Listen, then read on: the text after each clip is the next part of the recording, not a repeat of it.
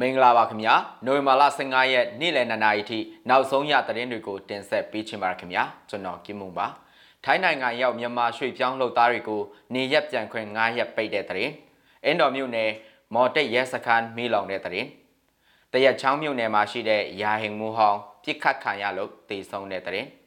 ထိုင်းမှာဘယင်စနစ်ပြုတ်ပြင်ပြောင်းလဲရေးရာနဲ့ချီတဲ့ဆန္ဒပြပြည်သူတွေတောင်းဆိုတဲ့သတင်းအဆရှိတဲ့သတင်းတွေကိုတင်ဆက်ပေးပါတော့မယ်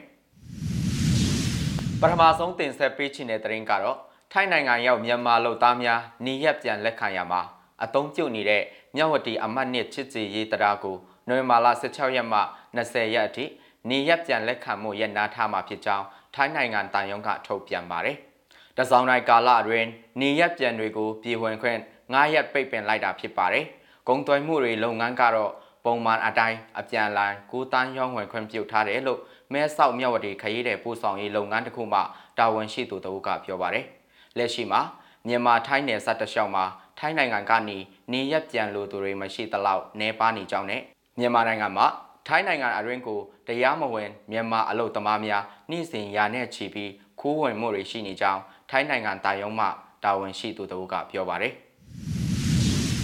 အင်းတော်မြို့နယ်ကတရင်နဲ့ဆက်ချင်ပါတယ်။ စကိုင်းတိုင်းဒေသကြီးအင်းတော်မြို့နယ်မော်ရရဲစခန်းကိုနိုဝင်ဘာလ15ရက်မနေ့နနာရီမှာမီးစုဖျက်ဆီးလိုက်ကြောင်း Indoor Revolution IR အဖွဲ့ထံမှသိရပါတယ်။ရဲတော့တယောက်မှမရှိပါဘူး။နဘာမော်တိတ်မဲစာပင်ဝယ်ရဲစခန်းကရဲတွေအကုန်လုံး၃လပိုင်းထဲကရဲစခန်းကိုပြစ်ထားပြီးအင်းတော်ရဲစခန်းထဲပဲစုနေကြတာဗျ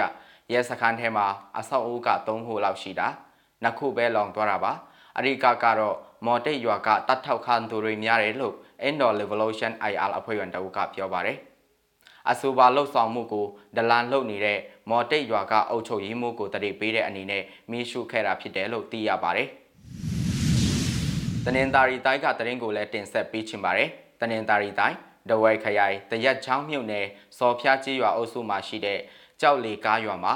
ရာအိမ်မှုဟောင်းတအူဒီနေ့နိုဝင်ဘာလ15ရက်မနေ့ပိုင်းမှာပြစ်ခတ်ခံရလို့တည်ဆုံကြောင်းဒေသခံတွေစီကနေသိရပါတယ်။အဆိုပါပြစ်ခတ်ခံရတဲ့ရာအိမ်မှုဟောင်းဦးစိုးနိုင်ခေါ်မောင်နိုင်စုသူဟာဒီနေ့နနက်တနာရီခွဲဝန်းကျင်ကရောဘာချန်ကိုတွားတဲ့အချိန်မှာခေါင်းကိုတနက်နဲ့ပြစ်ခတ်ခံခဲ့ရတာဖြစ်ပါတယ်။ဦးစိုးနိုင်ကရာအိမ်မှုဟောင်းဆိုပြီးမဲ့လက်ရှိအချိန်မှာ စစ်ကောင်စီရဲ့တည်င်းပေးတယောက်အဖြစ်လှုပ်ဆောင်နေတာကြောင့်ရှင်းခဲ့တာဖြစ်တယ်လို့ဒေတာခန် PDF အဖွဲ့ဝင်တအုပ်ကပြောပါတယ်။ဦးစိုးနိုင်ကိုစစ်ကောင်စီရဲ့တည်င်းပေးဆက်မလုပ်ဖို့တတိပေးခဲ့ပြီးမဲ့လဲမလိုက်နာလို့ပြစ်ခတ်ခဲ့တာလို့ဒေတာခန် PDF စီကသိရပါတယ်။နိုင်ငံတကာဘက်မှာတော့ထိုင်းမှာဘယင်စနစ်ပြုတ်ပြင်ပြောင်းလဲရေးရာနဲ့ချီဆန္ဒပြပြည်သူတွေတောင်းဆိုတဲ့တရင်ကိုတင်ဆက်ပေးချင်ပါရခင်ဗျာ။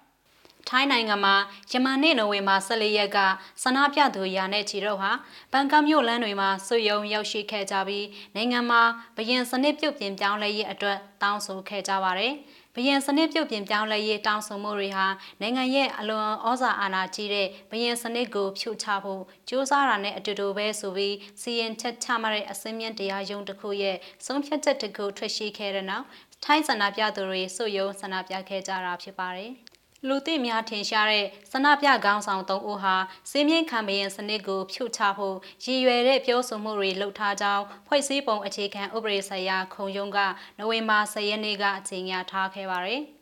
တရားရုံးရဲ့ဆုံးဖြတ်ချက်ကြောင့်ဆန္ဒပြခေါင်းဆောင်တွေအတွက်ပြစ်မှုဆိုင်ရာပြည်တံတွေပေါ်ပေါက်စေတာမျိုးမရှိပေမဲ့ခုလိုတရားရုံးဆုံးဖြတ်ချက်ဟာနိုင်ငံမှာဘီယန်စနစ်ပြုတ်ပြင်ပြောင်းလဲရေးလှုပ်ရှားမှုတောင်းဆိုနေတဲ့တက်ကြွလှုပ်ရှားသူတွေအတွက်ကြေးမြောင်းနေတဲ့ပြည်သားနေရာတစ်ခုကိုထပ်မံကျုံဝင်စီနိုင်တယ်လို့လေလာစောင့်ကြည့်သူတွေကပြောပါတယ်။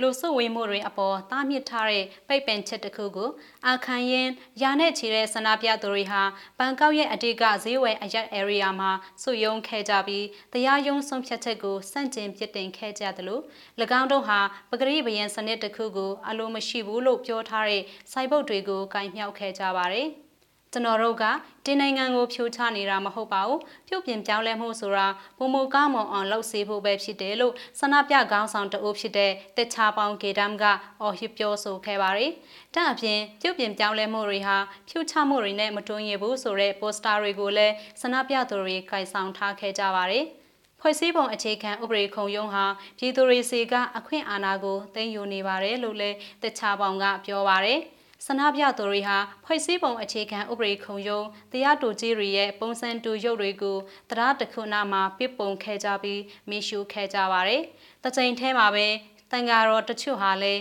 ဒီမိုကရေစီအတွက်လက်သုံးချောင်းထောင်သင်္ကေတကိုထုတ်ဖော်ခဲ့ကြပါတယ်။ ဆန္ဒပြသူတချို့နဲ့ရဲတွေအကြားထိတ်တိုက်မှုတွေလည်းရှိခဲ့ပြီးရဲတွေဖက်ကရာဘာဂျီရီနဲ့ပိခဲ့လို့ဆန္ဒပြသူတဦးရင်ဘတ်မှာတရားရပြီးလူနာတင်ကားနဲ့ခေါ်သွားရတယ်လို့မြေပြင်မှာရောက်ရှိနေတဲ့ AFP သတင်းထောက်တဦးကပြောပါရယ်